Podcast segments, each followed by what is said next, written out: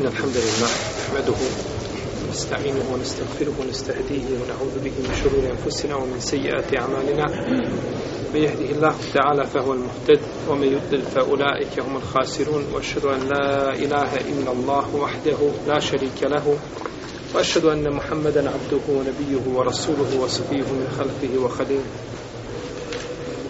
يا أيها الذين آمنوا اتقوا الله حق تقاته ولا تموتن إلا وأنتم مسلمون يا أيها الناس اتقوا ربكم الذي خلقكم من نفس واحدة خلق منها زوجها وبث منهما رجالا كثيرا ونساء واتقوا الله الذي تساءلون به والأرحام إن الله كان عليكم رقيبا أما بعد فإن أصدق الكلام كلام الله تعالى وخير الهدي هدي محمد صلى الله عليه وسلم وشر الأمور محدثاتها وكل محدثة بدعة وكل بدعة ضلالة وكل ضلالة في النار ثم ما بعد Mi smo prošlog puta govorili o obaveznom hedju i hedju koji je tatavua ili dobrovoljan.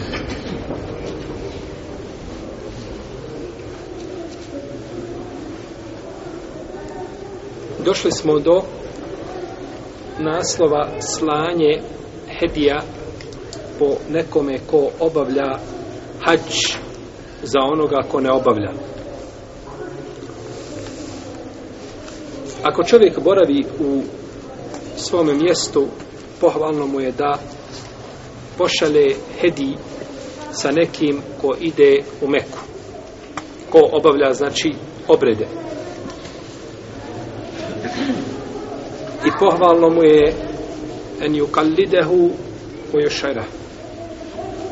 Ali ša'ar od taklid ili šar od taklid vidjet ćemo šta znači ova dva pojma kasnije znači pohvalno je da učini ove dvije stvari i kada to učini kada pošede hedi u Meku neće mu biti zabranjeno ono što je zabranjeno ljudima koji su u ihramima nema znači ne odnosi se na njega ta zabrana Prenosi Ajša radijallahu ta'ala anha kaže plela sam svojim rukama ogrlice za deve poslanika sallallahu alaihi wasallame pa je on učinio njima išar i taklid kazat ćemo i objasniti šta znači išar a šta znači taklid potom ih je poslao prema Meki znači poslao je sa ljudima koji idu a on je ostao u Medini i nije mu bilo ništa zabranjeno u tom slučaju što mu je bilo dozvoljeno prije toga. Čija su ovo djeca? Znači, ako neko ima djecu, sa sobom ako dovodi na predavanje, znači mora djete staviti svoje pored sebe. U protivnom ćemo djeco stranti napolje van džamije.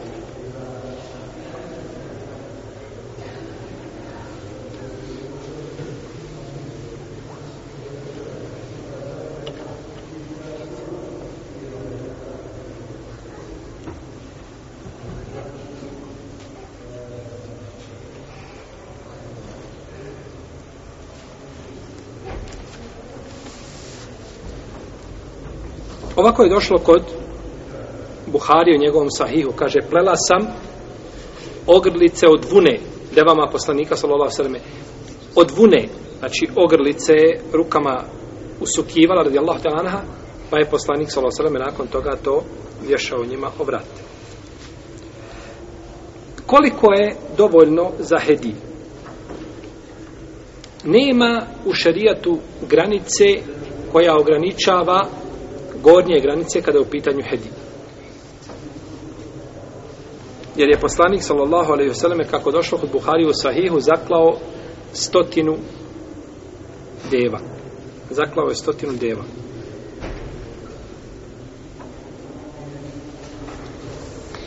A najmanje što je dovoljno za hedi jeste jedna ovca. Jeste jedna ovca. Prenosi Ebu Jovan Sarija, Kaže, ljudi su vreme poslanika, sallallahu alaihi sallam, klali za hedi, odnosno klali su za kurban jednu ovcu. Za sebe i za svoju porodicu. Pa su jeli oni i drugi, potom su se ljudi počeli hvalisati i nadmetati, pa je hal i stanje onako kao što vidite.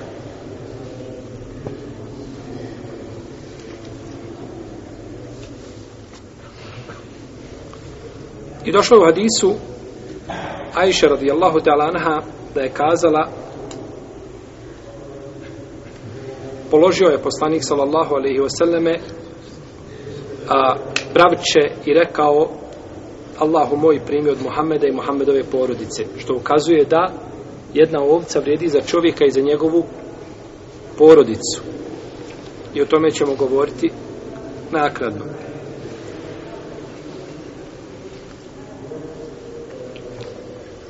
A kada je u pitanju hedi, znači kurban koji se kolje na hađu, ulema je složna da jedna ovca vrijedi samo za jednu osobu. Znači čovjek i žena ako obavljaju hađ, svako obavlja, na primjer, temetua ili kiran, moraju jedno i drugo šta? Klati, ne može kazati čovjek ja koljem i vrijedi ta ovca ili to bravče vrijedi za mene i za moju suprugu i za moju kćerku još koja je došla sa nama. A i sin je tu sa ženom pa i on će ući u šta? u, jeli, e, u ovaj smisao, odnosno da će, se, da, da će njega obuhvatati ta žrtva. Ne, svako znači mora da kolje za sebe ponoso. I tu je konsensus u Leme, osim jedna rivajta od imama Malika. Mogu učestvovati ljudi, znači, kada kolju, da učestvuju sedmerica i da zakolju devu. Ili sedmerica da zakolju kravu. I jedno i drugo je dozvoljeno. kaže Džabir radijallahu ta'ala anha, eh, radijallahu ta'ala anhu, zaklali smo u vrijeme poslanika, sallahu sallame, na Hudejbiji devu za sedmericu i kravu za sedmericu. Tako je došlo kod muslima u sahiju. Ibn Munzir imame Tahawi navode konsensus u Leme da deva i krava vrijede, vrijede za sedmericu da ne vrijede više od sedmerice. Znači, maksimalno koliko ljudi može, može učestvovati u devi ili u kravi je sedmerica. A može li jedan sam zaklad devu? Može stotinu. I više od toga, koliko želi, šta god da zakolje, nagrada mu je, znači, za svako od tih žrtvi velika. No, međutim, ima rivajet od Ishaka Ibn Rahaweja da je dozvoljeno klati kravu i devu za desetericu. To je mišljenje, to je jedan rivajet od imama Ahmeda. I to je došlo u, kod Buhari u Sahihu da je Aisha radijallahu ta'ala naha kazala Bila sam na mini ili bile smo na mini. Pa je poslanik, pa je, pa da mi neko donio meso od krave, pa sam mu pitala šta je ovo? Pa su kazali, zaklao je poslanik, saloseleme, hedi za svoje žene kaže se ovdje Baha Resulullah s.a.v. a ne zvađe i bil bekar. Zaklao je poslanik s.a.v. svojim, zaklao je na ime svojih žena krave. Tako je došlo u rivajetu, tako je došlo u rivajetu kod imama Buhari i kod muslima. Došlo je u nekim rivajetima da je jedna krava. Ovdje se kaže bil bekar. Pa ako je ovaj rivajet ispravan, onda je on znači bil bekar sa jednom jednu kravu da je zaklao onda je to jak znači ovaj dokaz iz Hakoj Mirahaviju i onim koji su ga sledili u tom pogledu no, međutim kod Buharije kod muslima dolazi da je zaklao krave pa ako je zaklao krave onda je jeli stvar jasna kaže Ibn Kajim u svome dijelu Tehzibu Sunan ako je zaklao krave, nema tu ništa nejasno. Stvar je tu znači jasno. A ako je, kaže, zaklao kravu jednu njima, onda je mišljenje iz Haka ibn Rahave jače. Tako da džumhur u Leme znači ne prihvata, osim da se kolje za a, da se kolje za kako za kurban, tako za hedi, najviše da učestvuju, znači sedmerica, bilo da se radi o devi ili da se radi o, o kravi. Došlo je u vjerodostanoj predaj kod Buhari kod muslima da je poslanik sa kada je dijelio ratni plijen, da je podijelio deset ovaca za devu. Kako deset ovaca za devu? Jednom čovjeku da devu, a drugom da šta? Deset ovaca.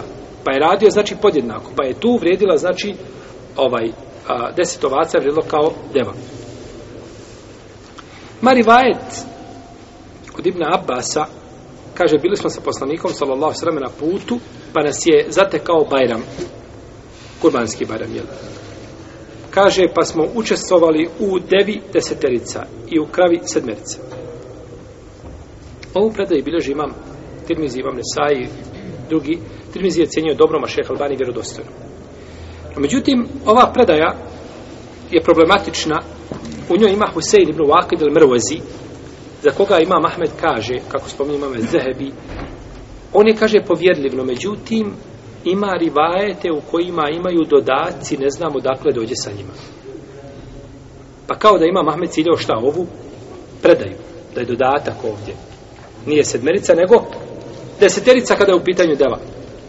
I tako da je ovaj Imam Tahavija odgovarao na, na, na ovaj hadis ili da je dokinut ili da se je tu desila greška, što da kaže sedmerica, rekao desiterica, a po pitanju brojeva znači može se desiti ovaj greška kod Ravija tako da su izrazi ta većina u Leme, znači da je odbila e, ovaj hadis i odbila je rad po njemu. Tako da su a, hadisi po pitanju a, koji spominju jeli, se, e, sedam osoba i učestvovanje prilikom klanja deve ili krave brojniji i jači i u jačim hadijskim zbirkama, znači sa jačim lancima prenosilaca s jedne strane. A kada je u pitanju podjela ratnog plijena, onda postoji mogućnost da je vrijedilo šta? Deset ovaca. Kada kažemo deset ovaca, šta to znači? Jer svaka osoba kolje šta po jednu ovcu, onda vrijedilo kao deset, ova, da deset osoba kolje šta jednu? Jednu devu, je li tako? Pa to možda postoji mogućnost da je slučaj takav kada se radi o čemu? O podvratnog plena, je li tako? Ali kada se radi o hediju, onda je šarijet ograničio da je to sedam osoba. Jer kako kažu islamski učenjaci, bolje je čovjeku da zakolje. Bolje je da se zakolje sedam pravčadi nego jedna deva. Jer se radi o sedam žrtvi. Jel u redu? Svaka ta žrtva to je i badec stvoriti. Deva je velika žrtva. No međutim, sedam žrtvi, koliko god da bile male, one su šta? Bolje mislimo da imaju jeli, isti taj ovaj nivo u vrijednosti kao što je sedam jeli, ovaca odnosno devoljka pa je sedam, sedam žrtava bolje od od jedne. No, međutim, ko ako učestvuje skupina, neće, neće znači, smeti. Vrijeme klanja. Vrijeme klanja hedija, a ovdje svakako, jeli, i kurbana. Isto je, znači, značenje. Pohvalno je da se kolje kurban, znači desetog dana Zulhidžeta, to jeste na dan Bajram, koji se zove Jevmu Nahr, a Nahr znači klanje. Nahr znači klanje, posebno jedna vrsta klanja, vidjet ćemo što ona znači. Nakon bacanja kamenčića i nakon čega? Je li brijanje ili je klanje? Šta je prije? Molim? Molim? Može jedno i drugo. No, međutim, šta, šta dolazi ovaj nakon? Šta smo kazali da je sunnet? Bacanje kamenčića? Klanje hedija? Brijanje? Tavaf. To bi bio sunnet, znači poredak. No, međutim, kazali smo i falu ala haraj, radi, ne smeta. Znači, kaže, a, a, kako je jela ashabi, kako spital poslanika sa osaname, učinio sam to prije toga, kaže, čini, ne smeta. Znači, nema smetnje, ali je poslanik sa osaname uradio, znači, ovim redosledom. Je tako?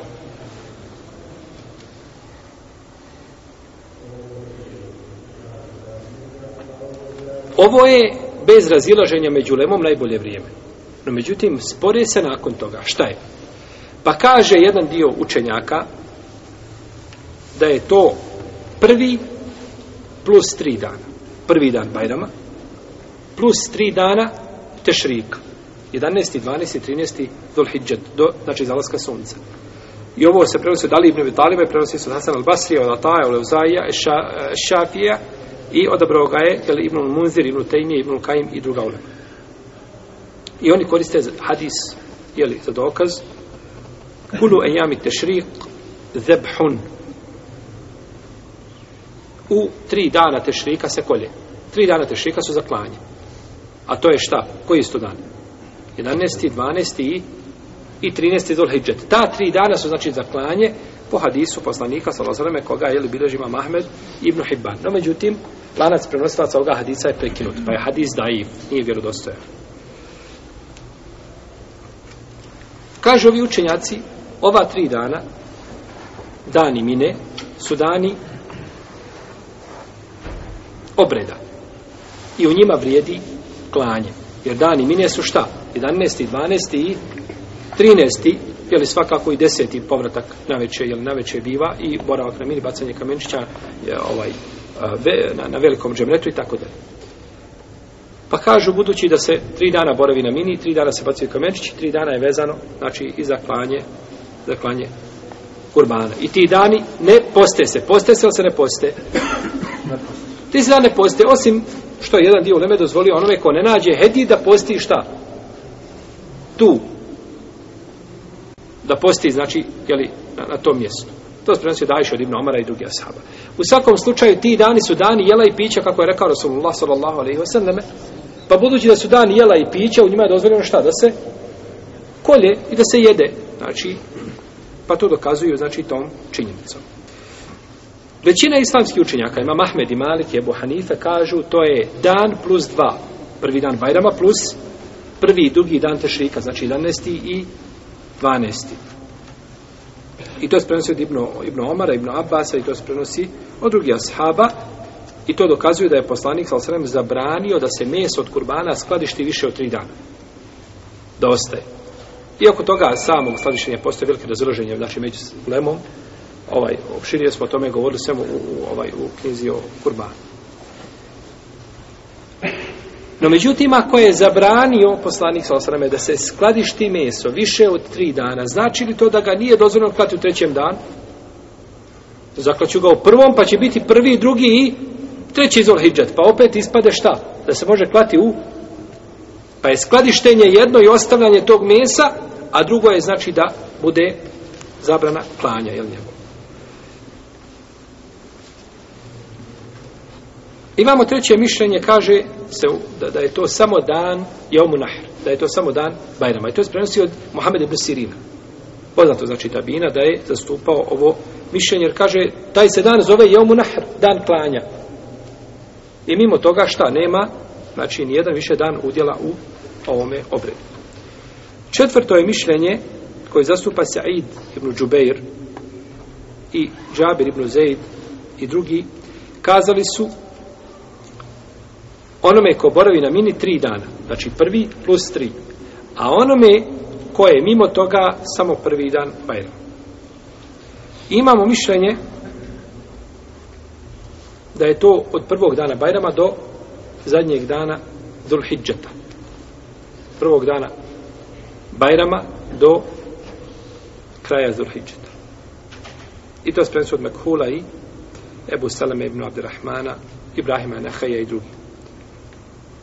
I imamo da to nije vremenski određeno. Kada god da se želi, može se zaklati. I to je jedno mišljenje ko šafija, za koje mišljenje imam neovi kaže da je slabo. Da je slabo. Allah halem da je najispravniji od ovih mišljenja da je dozvoljeno klati prvi plus tri dana. Znači, stavi mama šafije i ovaj Euzaija i Ibn Tejmi, Ibn Kajima, prije toga Ibn Munzira, da je klanje četiri dana prvi dan Bajrama i onda tri dana Tešrika, znači do zalaska sunca. A, 13. Zulhidža. I to je odabrao kolegi veliki učenjaka u Saudijskoj Arabiji. Znači, to mišljenje. Mjesto klanja. Ovo je vrijeme klanja. Smo govorili bilo šta. Vrijeme klanja. Sada mjesto klanja. Kaže uzvišeni Allah, tabarak je otala, thumme mahilluha ila l-bejti l-atiq.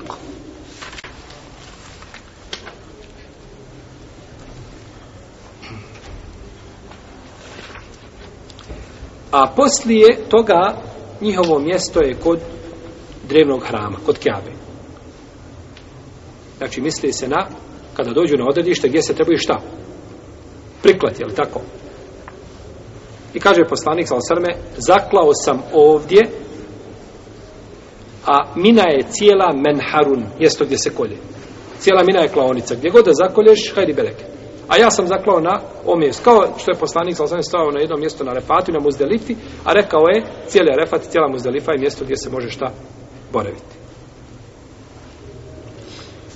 Pa je dozvoljeno zaklati hedi na bilo kom mjestu u haremu. A sunnet je i pohvalno da se konje kolje na mini. A harem je nešto što je šire ili od mine ili je... Nemojte misliti harem sada da govorimo o čemu? O džami. Nije to. Harem je posebno mjesto znači koje je šire od same meke, pa gdje god da se zakolje u tom mjestu gdje je harem, ovaj, jeli, i harem ima svoje posebne propise, spomnjali smo zadnji put po pitanju kidanja, je tako? sjećenje drve, drveća i tako dalje i ulema koja je napravila razliku između suhog i, i, ovaj, i zelenog ovaj, e, drveća i tako dalje. Bilo znači da je to u Meki ili mimo Meki. Bitno je da je u granicama Harema. Koje su ove označene, znači te granice su Harema označene i poznaju se. Je li dozvoljeno da se meso od kurbana, odnosno od hedija u ovome slučaju kada govorimo kurbanu, kada kažemo kurban, mislimo nešto na hedi. Je li dozvoljeno da se iznosi van granica harema?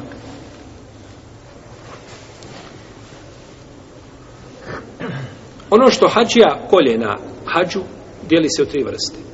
Prvo, kolje nešto što je vezano za obrede kao što je onome ko obavlja temeto i ko obavlja kiran. On kolje znači žrtva. Ovo je dozvoljeno konzumirati u haremu, unutar granica harema, i da se nosi van granica harema, jer su poslanikovi sa osnovima sahabi nosili meso van granica harema, kako došlo kod Buhari i Muslima da je poslanik sa osnovima rekao, kulu vote za uvodu, kale fe ekelna utezavodna. Tako kaže tako kaže ashabi poslanika sallallahu alaihi wasallam kako došlo od Isu Džabira kaže jedite i obskribite se ponesite sa sobom kaže pa smo jeli i ponijeli sa sobom kako su mogli ponijeti sa sobom meso da se ne pokvari molim sušili ga jeli Allahu alem šta su radili uglavnom ashabi imali su oni braćo oni su imali puteve i načine Mi mislimo da ti ljudi koji živjeli prije nas ništa nisu imali, ništa nisu znali. Su oni bili bijeda i samo sjedili na suncu ovaj, i niko nas nisu pomjerali na suncu. Nije tako bio njihov život. Ovo. Jedan mi zubar reče, naš brat, da je, kaže da su našli ostatke ovaj, jeli, vilica, ljudi koji su živjeli iskopali i kaže, kada su to proučili, da su oni, kaže, imali zubnu ovu, a, a, a, jeli, taj segment medicine razvijen, kaže, skoro kao naš danas. Znači, nisu oni bili da ništa ne znaju. Kaže, uvezivali su to žicom i spajali, pravili zube, te, ali, kaže, napravi čovjek se koristi time. Kao što mi, znači, nisu ti ljudi bili da ništa ne poznaju. Znači, imali su nekakvu metodu i kako, Allahu alem, ne znamo, nije do nas, znači, to prerešeno. Uglavnom su ponijeli to meso sa sobom. Jer, znači, da računate od Mekije, do Medine je relativno dug put znači za, za, za putovanje, nakon toga ako zaklali prvog dana, pa bore do tri dana, pa nakon toga im je poslanik sam sam dozvolio da posle obreda koliko da ostanu meki? Još tri dana, jel tako, da ne bi izgubili nagradu čega?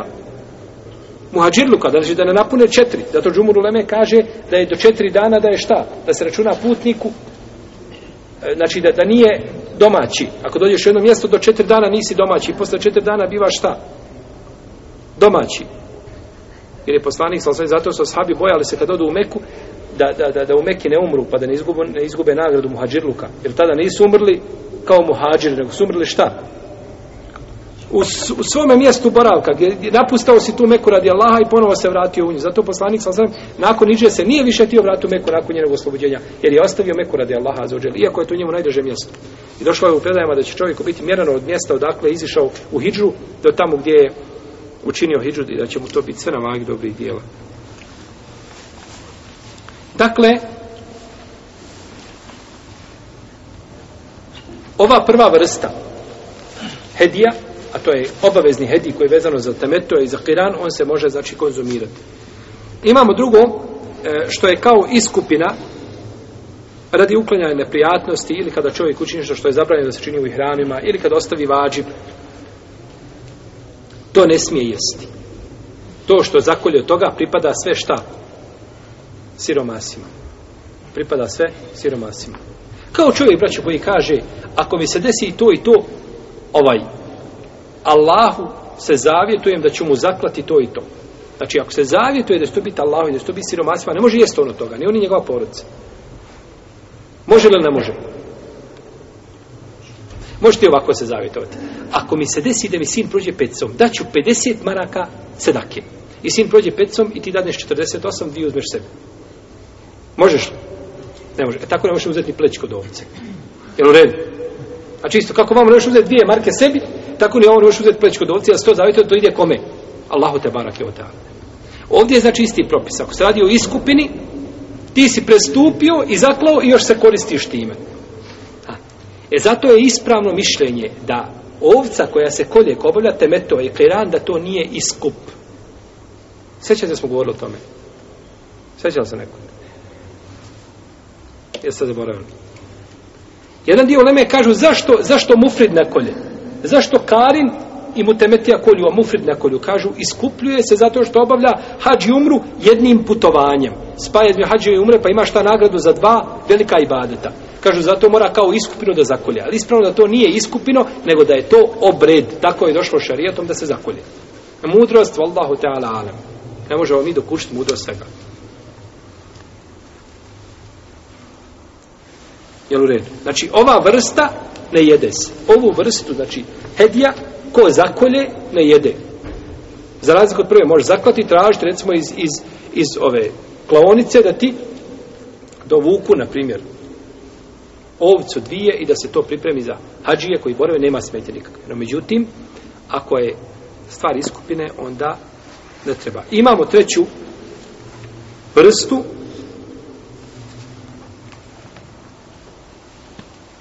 koja je, se tiče čovjeka koji može klati, znači, tu žrtvu i mimo harema. Kao čovjeka koji je spriječen, znači da nastavi sa hađskim obredima, ili hsar.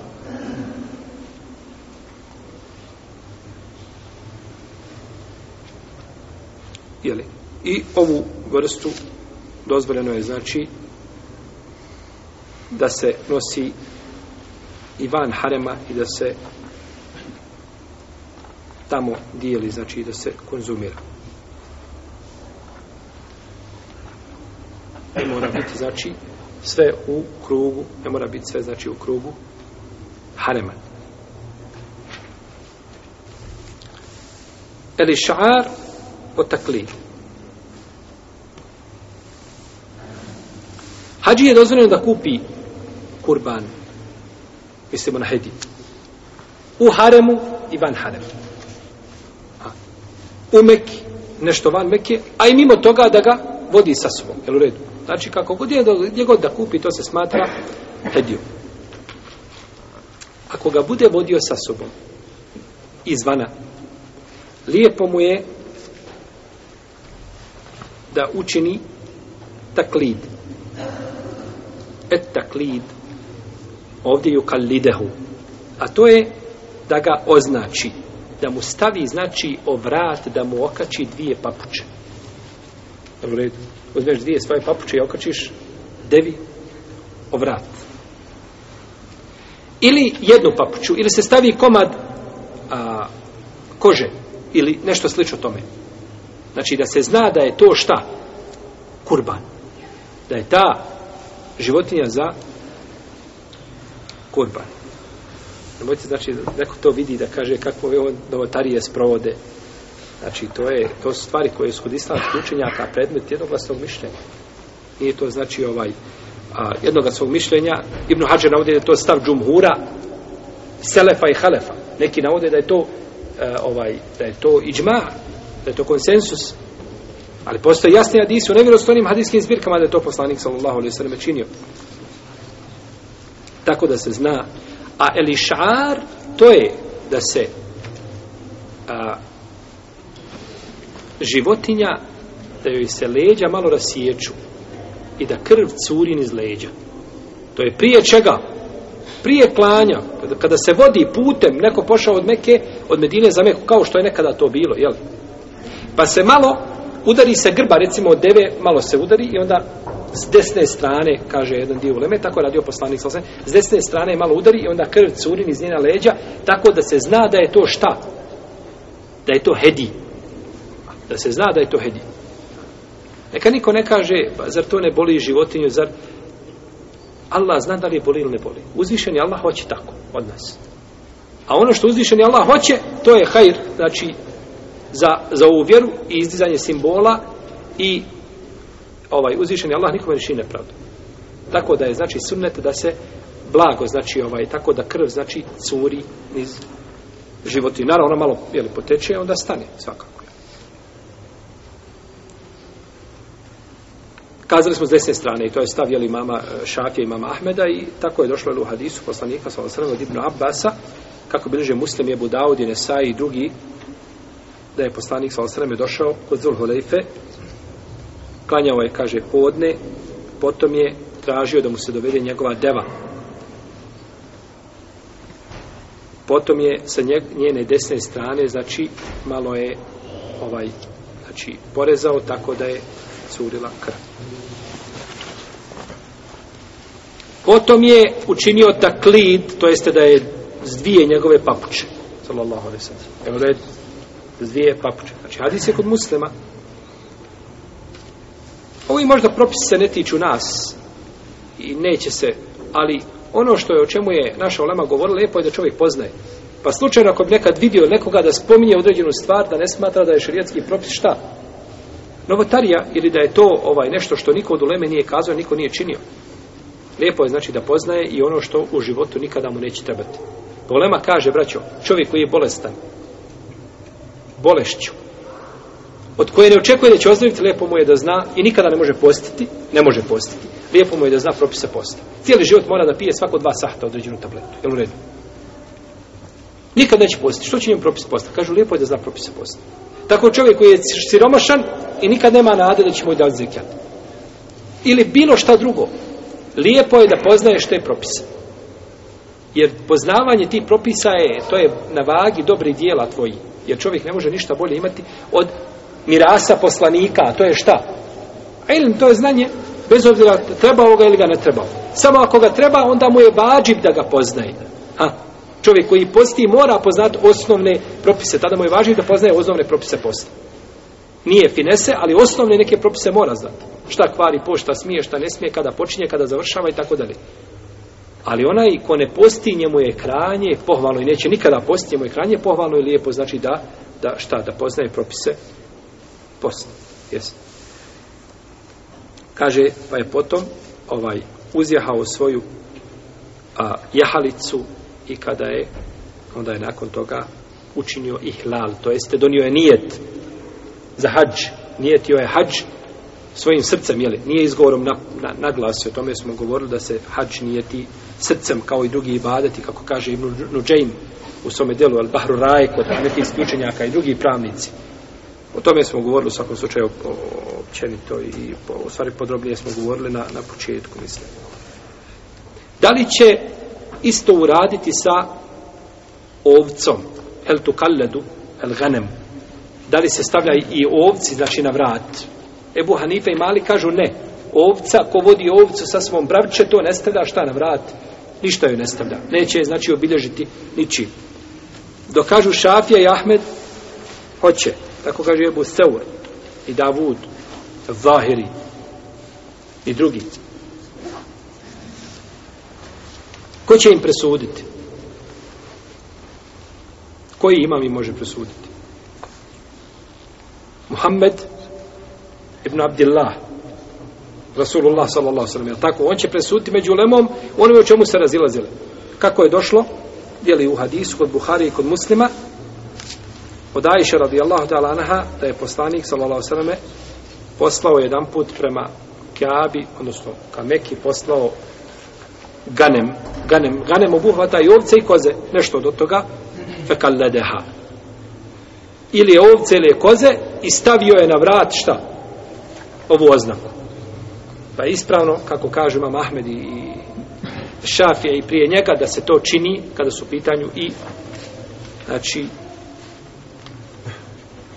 kada e, u pitanju sitna stoka.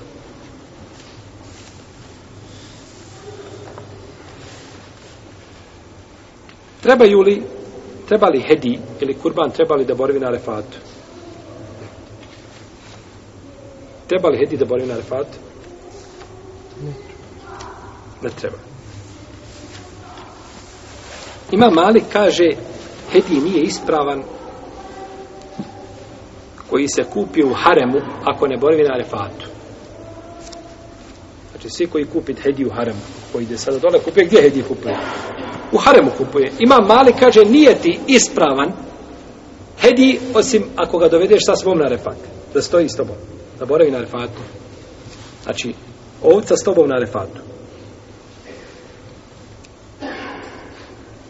A kaže, ako se proda u hillu, to je van harema, jeli?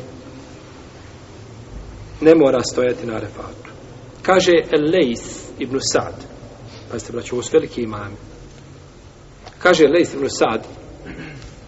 Nije hedi hedi ako nije obilježen i ako nije zasječen malo, da curi niz njega krv, i ako nije stvarno na refatu. Ha. Nije to hedi. I koriste kao dokaz hadis. Nisu to kazali na pamet. Hadis.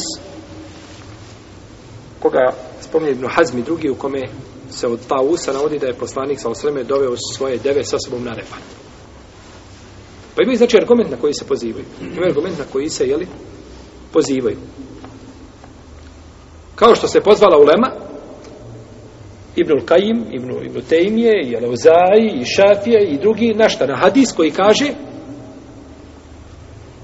da su dani tešrika za klanje, tako? Ali hadis, je, prekinut mu je lanas prenosilaca.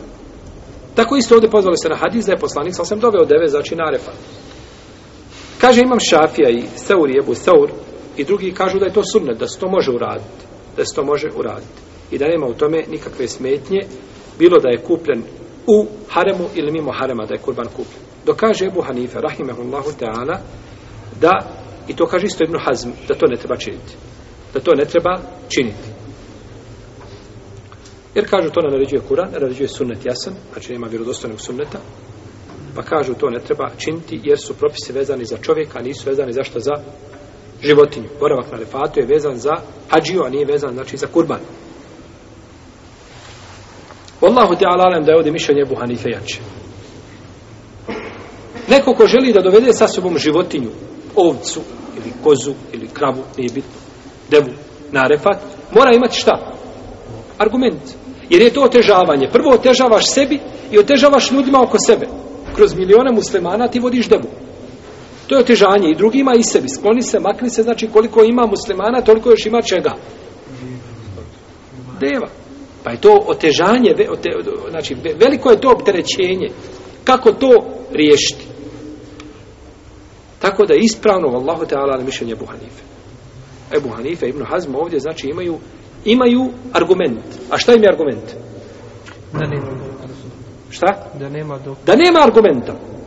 Neko tebi pita šta ti je argument? Kažeš, argument mi je to što nema argumenta. Pa je meni argument to što nema argumenta da se radi suprotno. A osnova je da se ona vodi ili da se ne vodi na refat. Da se ne vodi, to je osnova. Onda je protivno te baš voditi na tavaf. Kod god pođeš da je vodiš sa sobom, no tako. Ako je, ako je, osnova je da je ne vodiš, nego da je zakolješ. A ako želiš da je vodiš, mora biti argument. Ja sam, nema argumenta, cijelimo mišljenje islamskih učenjaka i poštojemo i držimo to ovaj, eh, na, na najvećoj mogućoj deređeno. Međutim, ne možemo ga prihvatiti osim ako postoji, znači, argument. A u ovome slučaju nije došao dokaz. Nije došao, jeli? Dokaz. Znaš što? U ovome vremenu danas, kada je broj hađija veliki i jedva da uđu svi na arefat i da se smijeste, to bi bilo samo opterećenje, pa je to preće ne raditi. Čak ovaj bilo da kažemo da je to po mišljenju Leme koja kaže da obaveza je, po mišljenju Leme koja kaže da je to pohval. Ispravno je da to ne treba činiti. E nahru od zebhu ili n'am klanje i klanje životinja. Klanje i klanje stoke. Klanje nahr je klanje i zebhi je klanje. Međutim, postoji razlika. Islamski učenjaci se slažu da, da se stoka kolje da se stoka kolje klanjem što se zove zebh i što se zove nahar. Stoka. Šta je to stoka? Znači ovdje mislimo kada kažemo stoka na deve i na krave. I konj, kako se konj kolje? Vidjet ćemo kako se konj kolje. Spomenut ćemo, nije, iako nije, nije vezano za ovdje za tematiku, nije to auto ništa spomenjeno, međutim, uspuće ovo spomenu neke stvari možda koje su koriste. Kada su u pitanju sitna stoka, nju treba klati. Ovce i koze se kolju tako što se položi životinje na koju stranu, na lijevo na desno. A? Na lijevu. Ne može na desno, znači preko ruke. Ne možeš je klati ovako preko, ru, preko ruke da je kolješ. A držiš je ovako, onda je, onda je moraš klati levom, ili moraš klati ovako, ili moraš levom rukom. Jel u redu? Nego se položi na lijevu stranu i okrene se prema kibli. I kod nje je klanje, ispod vrata. Znači. I treba prerezati, jeli, s ono razilažem i islamskim učenjacima, o svemu tome smo uopšteno govorili u knjizi o kurbanu. nećemo ulaziti u te detalje, znači. A kada su u pitanju deve, deve se kolju nahr. Nije zebh, nego je nahr. A nahr je klanje u podnožju vrata. Gdje se vrat, znači, zarasta u prsa. Gdje vrat zarasta u prsa, tu, tu, pri samom vratu, tu se ona kolje. Ne kolje se gore kod glave, nego niže. I zato deva prije umre kada se kolje nego ovca. Zato što je blizu srca, srce i mjesto gdje izlazi krv je jako blizu i brzo to iziđe sve. Znači, jako brzo nastupa smrt i zato je kod nje nahr, a nije zebh. To je kada su u pitanju deve i to je bolje i preče. A kada su u pitanju krave, dozvoljeno je jedno i drugo. I nahr i zebh. Sim što je zebh bolji, a zebh je klanje gdje je kod glave. Možete li pratiti? Molim? Molim? Znači, nahr, kada su u pitanju deve, deve se kolju, znači tamo gdje vrat urasta u, u prsa, iznad prednje nogu, odmah na vratu, znači na kraju, tu se kolje. A zebh klanje je klasično, znači kako se ovce kolju, tako je pohvalno i kravu. Ali krava može na oba dva načina. Ali je bolje zebh. Bolje je kod glave, zato što je uzvišen Allah u Kur'anu spomenuo klanje krave kod glave. Pa je rekao šta? Jer nije Musa, ali i sram, Musa, ali i sram, kaže Inna Allahe je murukum en tezbehu bakar. Allah vam ređuje da nije rekao en tenharu, nego en tezbahu, da bude zebh, da bude gore kod glave, to je klanje, znači kod vrata. To je bolje. Ali ulema isto tako kaže da se može učiniti nahar i jedno i drugo je ispravno. Ali ovo bolje. Znači, a konj se isto može klati na hrum. Jer kako kaže Esma radi Allah, tana, zaklali smo na hrna peresa na lahdi nebije sa osrme. Zaklali smo sa nahrom. Donji dio, znači prsa, zaklali smo konja u vrijeme poslanika, sallallahu alaihi wa sallam. Molim? Nisam čuo. Zaklali smo poslanika, zaklali smo u vrijeme poslanika, sallallahu alaihi konja, znači sa tim nahrom. Znači kod prsa, gdje vrat urastao prsu.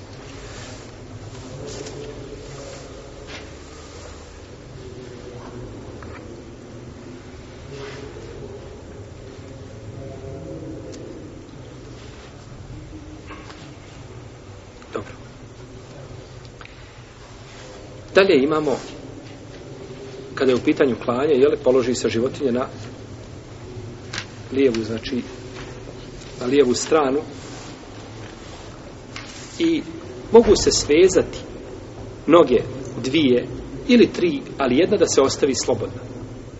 Jer životinja kada se prekolje, neispravno je ono kada se ovce kolju, neko drži, dvojica drže za prednje noge i dvojica za zadnje i ne daju da se pomira, to je pogrešno.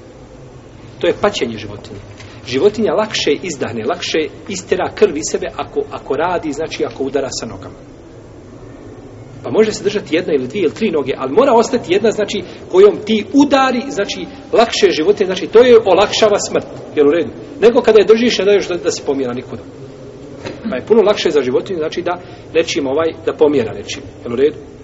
Bar jednom nogom.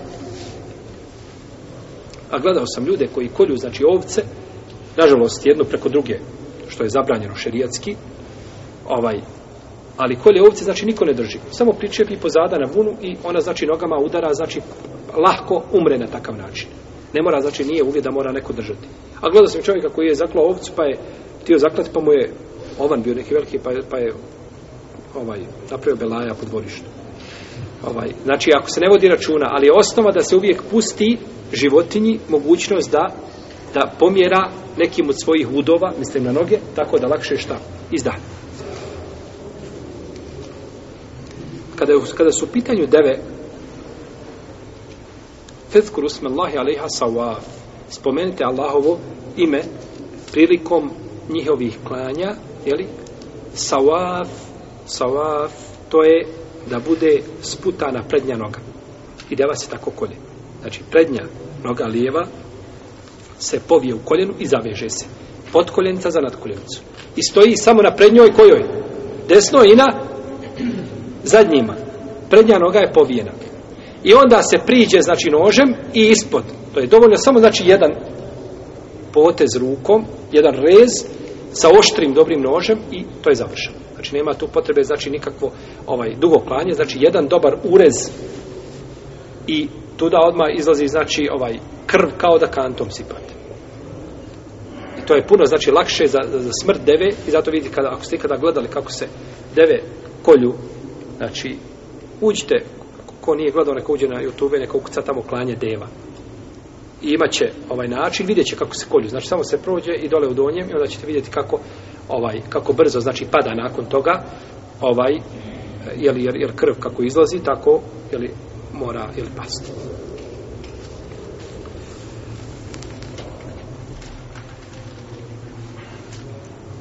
Znači, sunet je da se veže prednja noga. Zašto?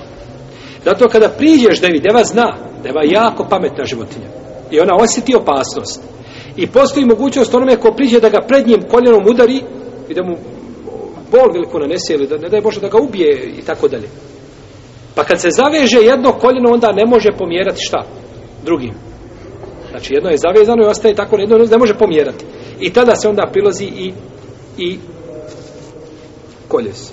Jeste. I to je značenje sawaf. U Kur'anu spomenuto da bude prednja noga jedna sputana. Da bude, znači, povijena i da bude zavezana. Kaže Zijad ibn Đubeir da je prošao Ibn Omar radijallahu talanu pored čovjeka koji je klao devu dok je bila na koljenima. Na koljenima je bila pred njima. Kaže pa joj je pa mu je rekao Ibn Omar i basa kijamen mukajjeda kaže neka ustane i zaveži je zaveži je nogu kaže sunnete nebijukom to je poslanikov sa vasaname sunnetil i tako je došlo kod ovaj Ebu Davuda od Džabira u predaj za koju kaže Albani imam ovaj da vjerodostojno da su ashabi poslanika sa vasaname klali jeli a deve ma kulete ljusra da im je desna noga bila šta leva noga da je bila zavezana leva se noga znači zaveže i onda se nakon toga nakon toga se kolje u klasičnim dijelima hanefijskog fika kao što je Al-Mabsuto Serhasija i kao što je Šerho Fetel Kadir od Ibn Humama i kao što je Bedaju Sanaja od Al-Kasanija ovaj, i drugi spominje se priča od Ebu Hanife da jedne prilike je klao devu ali je klao ovako zavezao lijevu nogu radio po sunnetu pa kaže kada sam klao kaže deva se je otrgla kaže i gotovo da nije poubijela ljude koji su bili prisutni i kaže rekao sam nikada je više neće tako klati nego da bude na, na, ko, na koljenima da kleči ili kaže da mi pomogne neko ko je jači nema smetnje ako se boji čovjek da bi mogla deva ovaj izazvati probleme tako da, da stavi je da kleči neće na drugi način da je zakolje znači nema problema ali mi govorimo znači kako je sunnet znači jel ona se kolje stojeći jer uzvišen je Allah kaže fe iza wajabat junubuha pa kada padne može li pasta koja kolješ od od od, od od stojeći, ne može, nego kada padne, onda jedite od njenog mesa. Znači, kada umre, onda, a znači pada, pa je spojito padanje, pa se kolje kako? To je jedan dokaz, a drugi je ovo sawaf, sawaf, što znači da se kolje kako? Da je jedna noga joj povijena. Što će ti povijena jedna noga ako je ona, ako je ona na zemlji? Nema potrebe da povijaš jednu nogu, tako? A što se tiče, znači, krava i stoke, kazali smo e, krava i, i sitne stoke da je tu sunnet, da je sunnet zebe ili klanje, znači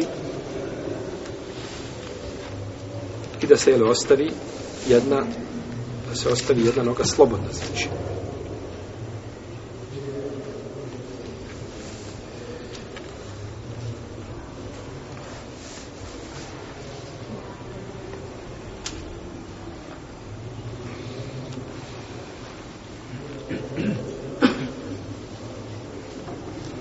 Da li je dozvoljeno čovjeku da se koristi sa kurbanom, odnosno hedijom u ovom slučaju? Uzvišen je Allah kaže tebara kao ta'ala fekulu minha wa ta'imu l-ba'is faqir i jedite od znači svojih kurbana i nahranite siromaha ubogog. Islamski učenjaci se razilaze kada je u pitanju jelo, znači od kurbana, kaže Ebu Hanife neće jest ako je kurban vađib osim ako se radi o temetu i kranu, tada može i to je stav većine učenjaka Hanbelijske pravne škole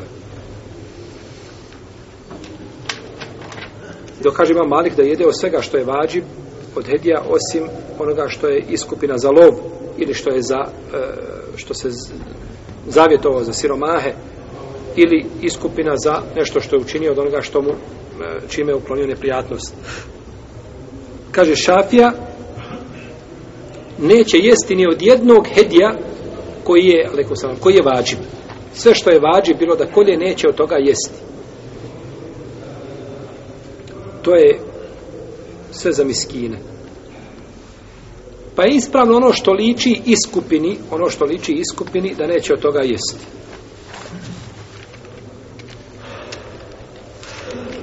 jer budući da je to vezano znači za iskupinu, za lovi i slično tome, pa što je iskupina od toga neće jesti. Što je iskupina od toga neće jesti. Ili zavjet, ovdje što sam spomenuo.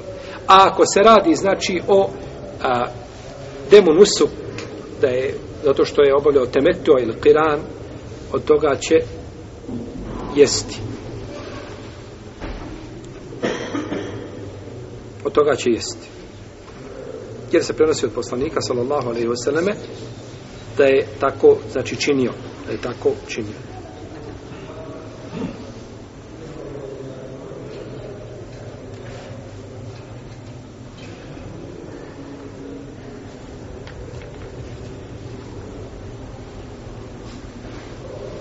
Pa čovjek koji obavlja, znači, temeto ili kiran, može jesti, znači, od onoga što zakolje, nema o tome, šalom tala, nikakve smetnje.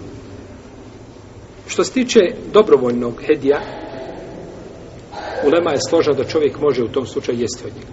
Da može, znači, jesti sve što je pripravljeno od hrane. Dobro, imamo slučaj da je čovjek poveo sa sobom životinju i ne može na putu izdržati. Ne može izdržati put do Meke. Vodi je iz Jemena. Ne može izdržati put do Meke. Daleko joj padne ili ne može dalje odeti. Šta će da učini sa njom?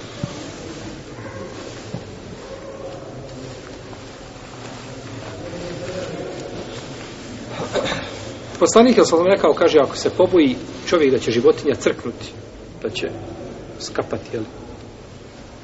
Neka je, kaže, za kolje. I neka uzme te dvije papuče koje su bile obješene na vratu, neka je natopi sa krvlju i neka je udari sa dvije strane. Dobro redu. Svake strane napravi šta? Oznaku. Oznaku i neka nekra ne hrani sa njom ljude koji su sa njim na putovanju. Pa će dati da je jede šta neko, drugi prolaze uspored jednog sela, imaju ljudi, tu se zakolje, obilježi se znači i nastavi se dalje, jeli? Nastavi se dalje put. Kao ovdje, što je kao za grbu, na grbu se stavi, sa dvije strane, znači udari i zna se da je to šta? Deva koja je bila namijenjena za hediju. Što se to čini? Zašto se obilježava? Kažu da znaju ljudi koji ne smiju da je jedu, da je to šta? Deva za hedi, pa da je, zna da je neće konzumirati tu hranu, s jedne strane. I zašto nije dozvoljeno ljudima koji putuju da je konzumiraju? Zato što bi ljudi to uzimali sebi kao povode, šta da kolju deve prije nego što dođu gdje? U harem. Dok malo nešto deva nije u redu, odmah da je zaklonim da je pojedeo. Jel u redu? Pa bi tako sebi koristili. Pa bi tako imao dvije stvari. I hedi i imao bi šta? Ručak, je tako? Pa je zbog toga ne. Ti i koji putuju s tobom nema vama ništa, nego neka to jedu drugi ljudi. Neka jedu siromasi drugi. Pa znači, pogledajmo da subhanala da šarijat nije ostavio čovjeka nikada u neizlaznoj situaciji. Uvijek za sve imaš rješenje i ne može niko kazati kakav je šarijetski propis da ti kažeš, vallahi, nema po šarijetu propisa. To ne može biti. Nije po jednom pitanju. Najsitnije ili najkrupnije. Ha. Po svemu imaš rizike. Od rušenja, od pada one dvije zgrade. 11. septembra, u redu. Pa do najsitnije igle i truna i atoma. U sve u šarijetu ima hukmi propis. Nema stvari koja nema propis. Ha. Nema stvari koja nema propis. Nema stvari koja nema propis.